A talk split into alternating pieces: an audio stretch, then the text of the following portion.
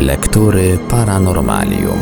Dziś w lekturach Paranormalium sięgniemy po jedną z książek Lucjana Znicza z cyklu Goście z kosmosu, a mianowicie Katastrofa tunguska, Trójkąt Bermudzki, Obce ślady. Tytuł książki mówi właściwie wszystko. Przedstawione w przystępny dla czytelnika sposób informacje na temat słynnej katastrofy tunguskiej, osławionego obszaru na Atlantyku zwanego Trójkątem Bermudzkim oraz różnych mających miejsce na Ziemi anomaliów. Książkę tę na naszej antenie prezentujemy w odcinkach w całości.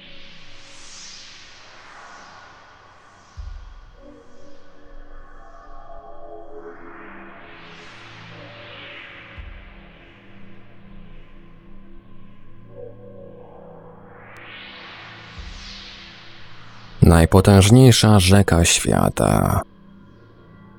Pamiętajmy jednak, że wszystkie katastrofy rozegrały się na pograniczu powietrza i morza. Skoro oskarżenia powietrza wydają się równie chwiejne jak powietrzne wichry, o ileż łatwiej jest obciążyć za wszystkie niewytłumaczalne katastrofy, tak wciąż jeszcze mało znany i tajemniczy żywioł, jakim jest morze. Tym bardziej, że w rejonie Trójkąta Bermudzkiego istotnie morze jest szczególnie zagmatwane. Prąd równikowy wchodząc jedną gałęzią w Morze Karaibskie czyni wielki skręt przy wybrzeżach Ameryki Środkowej i zwijając się w Zatoce Meksykańskiej wciska się jako prąd zatokowy, czyli Golfstrom, w cieśninę florycką.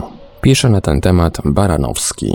Wprawdzie nie jestem pewien, czy geneza prądu zatokowego jest istotnie aż tak nieskomplikowana. Niemniej jednak nie ulega kwestii, że ten największy chyba prąd wodny świata istotnie rozpoczyna się gdzieś w Zatoce Meksykańskiej. Stąd jeszcze ustalona przez angielskiego polarnika J. Franklina jego nazwa Gulf Stream, po niemiecku Golfstrom, czyli prąd zatokowy. W cieśninie floryckiej jest to niesamowita rzeka wodna o szerokości 75 km, głębokości 700 metrów, prędkości na powierzchni od 6 do 10 km na godzinę i przepływie osiągającym 25 milionów metrów sześciennych wody na godzinę, czyli dwudziestokrotnie przekraczającym łączny przepływ wód wszystkich rzek świata. Po wydostaniu się z cieśniny prąd ten płynie przez pewien czas na północ wzdłuż wybrzeży Stanów Zjednoczonych, pociągając za sobą częściowo wody Morza Sargasowego i stopniowo rozszerzając się i zwalniając u przylądka Hatteras, a więc trochę powyżej szerokości Bermudów, szerokość jego dochodzi do 110 km, podczas gdy prędkość spada do 85-90 na dobę, czyli zaledwie 3,5 do 4 km na godzinę, aby u wybrzeży Nowej Fundlandii połączyć się z prądem labradorskim i pod nową już nazwą prądu północnoatlantyckiego zanieść wreszcie swe ciepłe wody 10 tysięcy kilometrów od Meksyku, aż pod Spitsbergen i półwysep Kola. Już sam fakt tak szybkiego przelewania się gigantycznych mas ciepłej wody usprawiedliwić może wiele niezwykłych perturbacji zachodzących w akwenie Trójkąta Bermudzkiego. Komentujący swego czasu w moskiewskiej prawdzie tajemnicze katastrofy w Trójkącie Bermudzkim, radziecki geolog Briechowskiś nie tylko uznał, iż odpowiedzialne za nie są, cytat, złożone warunki hydrometeorologiczne wywoływane przez ciepłe wody Golfstromu, ale nawet wytłumaczył, iż, cytat, silny prąd unosi szybko resztki statków i samolotów, które uległy katastrofie, i stąd się bierze złudzenie, że znikają one bez śladu. A w dodatku należy przecież pamiętać, że prąd ów, przy wszystkich jego podobieństwach do wartko płynącej gigantycznej rzeki, płynie sam, wśród wody, co diametralnie zmienia jego cechy. Nie ma on ostro ograniczonych brzegów, Często płynie meandrami i zakolami, zmieniając je w dodatku z doby na dobę, a czasem nawet z godziny na godzinę. Tworzy na swych skrajach liczne drobne odgałęzienia i zawirowania, bezustannie zmieniając topografię wodną tych okolic. Ale nawet i te właściwości prądu zatokowego nie wyczerpują jeszcze w pełni rozgardiaszu wodnego panującego na tym akwenie. Oto nie dalej jak w październiku 1977 roku odkryto nieoczekiwanie w pobliżu wysp Bahama obcą wodę, którą po wielu badaniach zidentyfikowano jako pochodzącą z Morza Śródziemnego. Bagatela. Woda ta płynie zwartym, nie łączącym się z okolicznymi wodami prądem 4000 mil przez cały Atlantyk, ciągle zachowując swoje odrębne cechy. Odmienną temperaturę, prędkość, skład chemiczny. W pobliżu Gibraltaru umieszczono dryfujące boje i na podstawie prędkości ich poruszania się ustalono prędkość tego nowo odkrytego prądu. Okazało się, że woda z Morza Śródziemnego dopływa do Bahamów niemal po pięciu latach. Co się z nią dzieje dalej? W tej chwili jeszcze nie wiadomo. Przypuszcza się jednak, że właśnie gdzieś na obszarze Trójkąta Bermudzkiego prąd ten zanika i woda śródziemnomorska wreszcie miesza się z wodami okolicznymi. Z pewnością nie jest to jednak proces stopniowego rozpuszczania się zwartej masy wodnej, która potrafiła zachować swoją nienaruszoną odrębność w ciągu niemal pięcioletniej wędrówki wśród fal Atlantyku. Prąd ten rozbija się zapewnie burzliwie o liczne rafy, rozszarpywany jest stopniowo przez wystające z dna morskiego skały, rozdzielany jest na drobne odgałęzienia, które zderzają się z kolei z odgałęzieniami prądu zatokowego i rozbijany jeszcze lokalnymi prądami głębokowodnymi spowodowanymi ssącym działaniem Golfstromu, traci wreszcie swą odrębność w głębokich kotłach wodnych i wirach. Pośrednim dowodem istnienia takiego procesu może być przytaczana przez Charlesa Berlica relacja kapitana Joe Taleya, który istnym cudem wyszedł żywy z nieoczekiwanej morskiej przygody nad Tongue of Ocean. Talley znajdował się wówczas na Wild Goose, 20-metrowej łodzi do połowu rekinów, którą holował na stalowej linie 317-metrowy statek Caicos Trader. W momencie, gdy obie jednostki przepływały właśnie nad Tongue of Ocean, gdzie na dnie morskim znajduje się olbrzymia, jakby wklęsła misa o średnicy 60 km, na śpiącego w kabinie łodzi Taleya zwaliła się nagle woda. Odruchowo wciągnął kamizelkę, omackiem wyrwał się z kabiny przez otwarty luk i wówczas okazało się, że wraz z łodzią znajduje się głęboko, według jego oceny od 13 do 15 metrów pod wodą. Gdy wypłynął na powierzchnię, dostrzegł, że Caicos Trader odpływa bez jego łodzi. Marynarze z tego statku wyłowili go z wody na wpół żywego dopiero pół godziny później. Okazało się, że płynąca za statkiem łódź nagle wciągnięta została przez wir i znikła pod wodą. Ssanie było tak potężne, że załoga Caicos Trader w obawie o własny statek odcięła linę i dopiero pół godziny później powróciła na miejsce wypadku, by dowiedzieć się, co właściwie stało się z Wild Goose. Właśnie, pytanie pozostało nierozstrzygnięte do dziś. Czy los łodzi do połowu rekinów przypieczętował prąd z Morza Śródziemnego, czy Golfstrom? Jakiś przydanny prąd lokalny, a może jeszcze jakiś inny, bardziej niezwykły czynnik. Jak rodzą się legendy? Bo Berlitz na przykład wspomina o jeszcze jednej niezwykłej zaiste osobliwości tych wód białych, świecących pasach. Pasy te, tak zwana biała woda, obserwowane są raz po raz na przestrzeni wielu kilometrów w pobliżu Orange Key, przy czym na ciemnym tle morza ich fosforyzująca jasność jest tak intensywna, że, zgodnie z Berlicem, było to ostatnie światło z Ziemi zaobserwowane przez amerykańskich astronautów w ich podróżach na Księżyc. Berlitz powołuje się zresztą na jeszcze jedno świadectwo samego Kolumba. Otóż, według niego 11 października 1492 roku, gdy flagowy statek wyprawy Kolumba Santa Maria mijał zachodnią granicę Morza Sargasowego i znalazł się w pobliżu Bahamów, dwie godziny po zachodzie słońca admirał Kolumb zauważył po raz pierwszy owe niezwykłe pasy świecących wód, które pozostały wciąż nierozstrzygniętą zagadką od epoki wypraw geograficznych aż po epokę wypraw kosmicznych. Wprawdzie klasykom się na ogół wierzy na słowo, tym razem jednak pozwoliłem sobie sprawdzić Berlica. Niestety, w dzienniku Kolumba nie ma ani jednego słowa o białych pasach wód. Zanim przytoczę dosłowny zapis z dziennika Kolumba z 11 października 1492 roku, pragnę tylko przypomnieć, że wyprawa trwa już ponad dwa miesiące, że zgodnie z instrukcjami królewskimi miała ona płynąć tylko 700 lig na zachód. Do dziś właściwie nie wiadomo, ile dokładnie wynosiła ta używana przez Kolumba jednostka długości. Współczesne jej przeliczniki wahają się od 4392 do 5924 metrów. Tymczasem odległość tę już dawno przekroczyła, wskutek czego Kolumb od wielu dni fałszuje dane w codziennych informacjach dla załogi, poważnie zaniżając przepłynięte odległości a od wielu dni cała załoga z admirałem na czele nastawiona jest wyłącznie na poszukiwanie oznak zbliżania się wreszcie do jakiegoś lądu. A teraz niech mówi Kolumb. Czwartek, 11 października. Płynęliśmy na zachód, południe, zachód. Przez cały okres wyprawy nie spotkaliśmy się jeszcze z tak silnym falowaniem morza. Widzieliśmy perdelas i zielone sitowie przy samym statku. Ludzie z karaweli Pinta dostrzegli trzcinę i sęk i wyłowili ociosaną, być może żelazem, pałeczkę i odłamek trzciny i inne trawy, które rosną na ziemi i jedną deseczkę. Ludzie z karaweli Pinta widzieli także inne przedmioty pochodzące z ziemi i gałązkę usianą jagodami głogu. Wszyscy wpadli w uniesienie i ucieszyli się, widząc te przedmioty. Do zachodu słońca przeszliśmy w tym dniu 27 lig.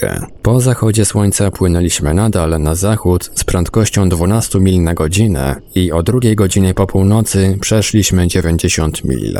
Ponieważ karawela Pinta była szybsza i płynęła przed admirałem, ujrzała ona ziemię i przekazała sygnały przewidziane przez admirała. Ziemię pierwszy dostrzegł majtek o nazwisku Rodrigo de Triana. Także i admirał, stojąc na mostku rufowym, ujrzał o godzinie 10 wieczór światło, ale światło to było tak nikłe, że nie chcąc przedwcześnie alarmować, iż jest to ziemia, admirał wezwał Pierro Gutierreza, królewskiego komornika, i powiedział mu, że widział światło i prosił, aby się przyjrzał. Ów, spełniwszy prośbę, także ujrzał światło. Wówczas admirał zawiadomił o tym Rodrigo Sancheza de Segovie, którego król i królowa wysłali z flotyllą w charakterze kontrolera. Rodrigo Sanchez dotychczas nie widział światła, ponieważ znajdował się w takim miejscu, skąd nic nie było widać, ale gdy mu admirał opowiedział o świetle, zaczęli wpatrywać się obaj i ujrzeli coś na kształt płomyka woskowej świecy, który to się unosił, to opadał. Koniec cytatu. Gdzież więc porównanie? Z jednej strony gigantyczne i tak jasne, że widoczne aż z kosmosu pasy świecącej wody, z drugiej zaś tak nikły, że trzeba go wyraźnie współwidzom wmawiać płomyk woskowej świecy. Oczywiście, ostatecznie jakiekolwiek światło na morzu, szczególnie na akwenie tak pełnym tajemnic jak Trójkąt Bermudzki, musi budzić w nas pełne zaciekawienia próby rozwiązania zagadki. Chciałbym jednak wyraźnie stwierdzić, że wbrew twierdzeniom Berlica, obserwacje amerykańskich seleonautów i Kolumba dotyczą dwóch całkowicie różnych zjawisk. Przy czym światła Kolumba nie wydają się już tak bardzo zagadkowe, jeśli się weźmie pod uwagę, że tejże jeszcze nocy, o godzinie drugiej nad ranem, istotnie dostrzeżona została zaledwie w dwóch ligach od statków tak upragniona Ziemia. Czy wszystko już wiemy o wodach Trójkąta Bermudzkiego? Czymże więc zamknąć cały ten hydrologiczny rozdział hipotez katastrof w Trójkącie Bermudzkim?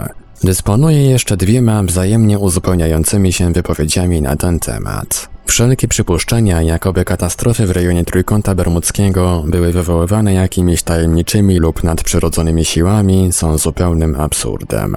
Autorytatywnie stwierdza oświadczenie amerykańskiej Straży Ochrony Wybrzeża. Najbardziej prawdopodobne wyjaśnienie kryje się w szczególnych, miejscowych warunkach. Wpływa na nie zmienność pogody w tych szerokościach. Częste huragany, lokalne sztormy i trąby wodne, wreszcie wielka prędkość i zmienny tor Golfstromu. Dochodzi do tego jeszcze skomplikowany układ dna oceanicznego, zawierający zarówno rafy, jak i głębokie zapadliny. Skomplikowany wzajemny wpływ prądów w okolicach raf w poważnym stopniu utrudnia kierowanie statkami. Kombinacja tych wszystkich skomplikowanych czynników naturalnych plus pomyłki w zachowaniu człowieka w ostatecznym rezultacie doprowadzić mogą do zdarzeń na pozór najbardziej nieprawdopodobnych. Koniec cytatu. W podobnym duchu brzmi także konkluzja wspomnianego już doktora Sirusa. Główną przyczyną wypadków, pisze on, jest panujący tu mikroklimat, który charakteryzuje się nagłymi skokami ciśnień i temperatur. Sprzyja to powstawaniu krótkotrwałych orkanów. W rejonie Bermudów silnie działają prądy podmorskie. Często się tam zmienia ukształtowanie dna, a więc zmieniają się i warunki nawigacji. Jeżeli do tego dodać częste i silne wiatry oraz zakłócenia magnetyczne, wszystko to stanowi poważne niebezpieczeństwo dla żeglarzy. Koniec cytatu.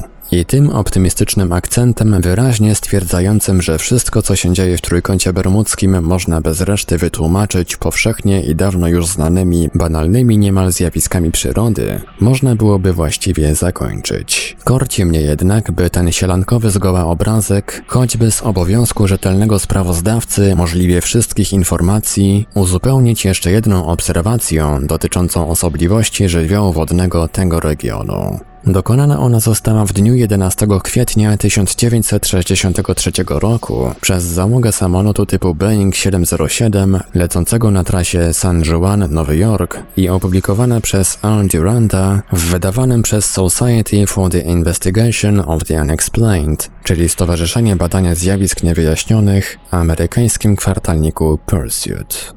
Otóż, według tego sprawozdania, 20 minut po starcie, gdy samolot znalazł się nad podmorskim kanionem Puerto Rico o głębokości 8400 metrów, w punkcie o współrzędnych 19 stopni 54 minuty szerokości północnej i 66 stopni 47 minut długości zachodniej, Drugi pilot zauważył nagle z wysokości 9500 metrów unoszący się ku górze z morza stożek wodny, który wyglądał jak kalafior i sprawiał wrażenie, jak gdyby nastąpił tam pod wodą wybuch bomby atomowej. Przez 30 sekund zjawisko to obserwowali kapitan samolotu, drugi pilot i mechanik pokładowy. Według ich oceny wzburzona góra wodna miała średnicę od pół do jednej mili i takąż wysokość. Chwili, gdy samolot minął to miejsce, góra poczęła maleć. Według późniejszych sprawdzeń, żadna ze służb meteorologicznych lub geologicznych nie stwierdziła trzęsienia ziemi, tsunami czy trąby morskiej w tym czasie i w tym rejonie. Tyle sprawozdanie. Miał to właściwie być tylko przyczynek do, i tak już obszernie omówionych, zjawisk hydrologicznych w rejonie Trójkąta Bermudzkiego. Obawiam się jednak, iż mimo swej lapidarności stawia on pod znakiem zapytania ostatnie optymistyczne stwierdzenia Coast Guard i doktora Ruta.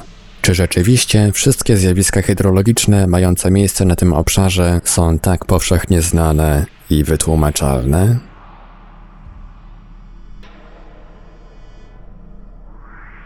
Gdy tajemnicę wyjaśnia się tajemnicą.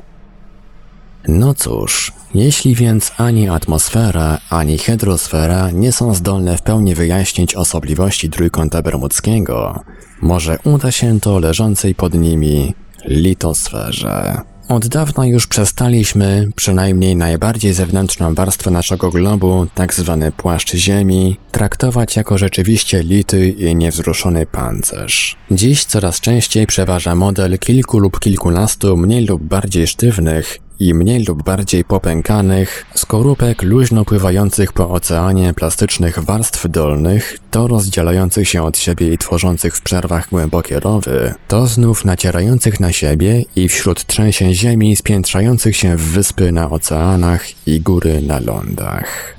Leżąca w pobliżu Trójkąta Bermudzkiego Ameryka Środkowa jest punktem starcia aż trzech dużych płyt tektonicznych: północnoamerykańskiej, południowoamerykańskiej i karaibskiej. W wyniku parcia płyty północnoamerykańskiej ku południowi, zaś płyty południowoamerykańskiej ku północy, znajdująca się między nimi płyta karaibska jest coraz bardziej wypychana w kierunku wschodnim i raz po raz w toku swego przemieszczania się wywołuje groźne kataklizmy. Choćby 4 lutego 1976 roku, gdy trzęsienie ziemi w Gwatemali spowodowało śmierć 23 tysięcy ludzi. Dziś jeszcze nie wiemy, jakie skutki wywiera przesuwanie się płyty karaibskiej dalej na wschód, na Jamajce, Kubie, Haiti i Bahamach. Być może wyjaśni to pełne opracowanie materiałów dostarczonych przez specjalnie w tym celu wystrzelonego w maju 1976 roku amerykańskiego satelitę Legios. Półtora roku po jego wystrzeleniu, w grudniu 1977 roku, zarejestrowano następne silne trzęsienie ziemi 6,6 stopnia w skali Richtera, tym razem na dnie morskim na północny wschód od Wenezueli. Jest to kolejny dowód tak niepokojącego geologów w ostatnich latach niewytłumaczalnego wzrostu aktywności tektonicznej nie tylko obszaru Ameryki Środkowej i zachodniego Atlantyku, ale całego naszego globu. I właśnie dzięki tej niestałości skorupy ziemskiej powstały w Związku Radzieckim i Polsce trzy kolejne hipotezy geologiczne, usiłujące wytłumaczyć osobliwości Trójkąta Bermudzkiego. Fizyk Stuły Korowiakow twierdzi, że ciężkie jądro naszej planety nieregularnie porusza się, zależnie od skumulowanego przyciągania Księżyca i Słońca w płynnej magmie. Gdy w toku tych ruchów przyciska ono magmę do skorupy ziemskiej, następuje na określonym obszarze wzmożenie działalności wulkanicznej i ruchów górotwórczych. W okresie natomiast, gdy jądro od skorupy się odsuwa, ugina się ona do wewnątrz, a nawet częściowo pęka i, jeżeli to się zdarza na obszarze morskim, następuje wsysanie wody w głąb naszego globu. I właśnie, według Korowiakowa, procesy takie obserwujemy obecnie w okolicach Trójkąta Bermudzkiego. Hipotezę bardzo zbliżoną do idei Korowiakowa opublikował w roku 1976 w miesięczniku Morze Polak Korochow. Nasza skorupa ziemska jest w ciągłym ruchu i różne kontynenty oddalają się od siebie lub się zbliżają, pisze on. Wskutek ruchów skorupy ziemskiej te same obszary mogą podlegać raz wypiętrzeniu, innym zaś razem rozciąganiu. W grotach czy pieczarach powstałych pod dnem morskim jest niemal próżnia. Gdy wskutek wstrząsów lub ruchów skorupy pęka raptownie gardziel groty próżniowej, wtedy w morzu tworzy się głęboki wir, który może wessać do groty znajdujący się w jego zasięgu statek czy jacht. Wir ten zasysa również powietrze. Powstaje więc trąba powietrzna ssąca do dołu, a z wirem wodnym do wnętrza groty próżniowej. Skalista gardziel, załamując się, zakrywa grotę próżniową, a w niej na dnie statek, jacht czy samolot, który miał pecha znaleźć się akurat w tym obszarze. Na powierzchnię morza nie wypłyną żadne szczątki, bo wszystko zostaje przysypane grubą warstwą skał i kamieni. W takim diabelskim obszarze jak Trójkąt Bermudzki mogą się znajdować tysiące gród próżniowych. Koniec cytatu. Trzecia wreszcie z tego typu hipotez, ogłoszona przez radzieckich inżynierów Zozulów, opierając się na podobnych założeniach dotyczących pęknięć skorupy ziemskiej, wysuwa całkiem przeciwstawne wnioski. Według autorów tej hipotezy, to nie woda dostaje się przez pęknięcia skorupy do wnętrza Ziemi, tylko właśnie z wnętrza Ziemi wydostają się przez szczeliny zgromadzone tam pod olbrzymim ciśnieniem gazy. Gazy te przez pewien czas rozpuszczają się w przydennej warstwie wody, coraz bardziej ją nasycając, i nie mogąc się z niej wydostać z powodu potężnego ciśnienia górnych warstw oceanu. Gdy jednak na skutek różnych zjawisk hydrometeorologicznych ciśnienie to czasem zmaleje, następuje gwałtowne przesycenie górnych warstw wody gazami, aż do całkowitego jej spienienia. Jeśli na miejscu tego spienienia znajdzie się statek, zapada się on, to nie w pianie, której gęstość jest mniejsza od gęstości wody. Oto jest przyczyna, twierdzą Zozulowie, dzięki której statki giną bez wieści, a samoloty trafiające w kłęby białej mgły powstałej z wodnego pyłu tracą orientację. Koniec cytatu. Powiedzmy, byłaby przyczyna bowiem autorzy tych trzech hipotez w zapale wyjaśnienia tajemniczych przyczyn katastrofy wprowadzają jeszcze bardziej tajemnicze pojęcia, które same z kolei wymagałyby zbadania i udowodnienia ich istnienia.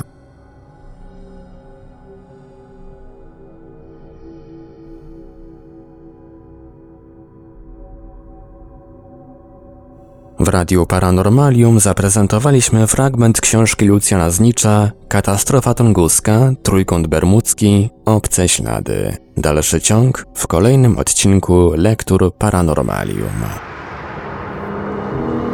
Archiwalne odcinki Lektur Paranormalium znajdziesz do pobrania w archiwum naszego radia na stronie www.paranormalium.pl.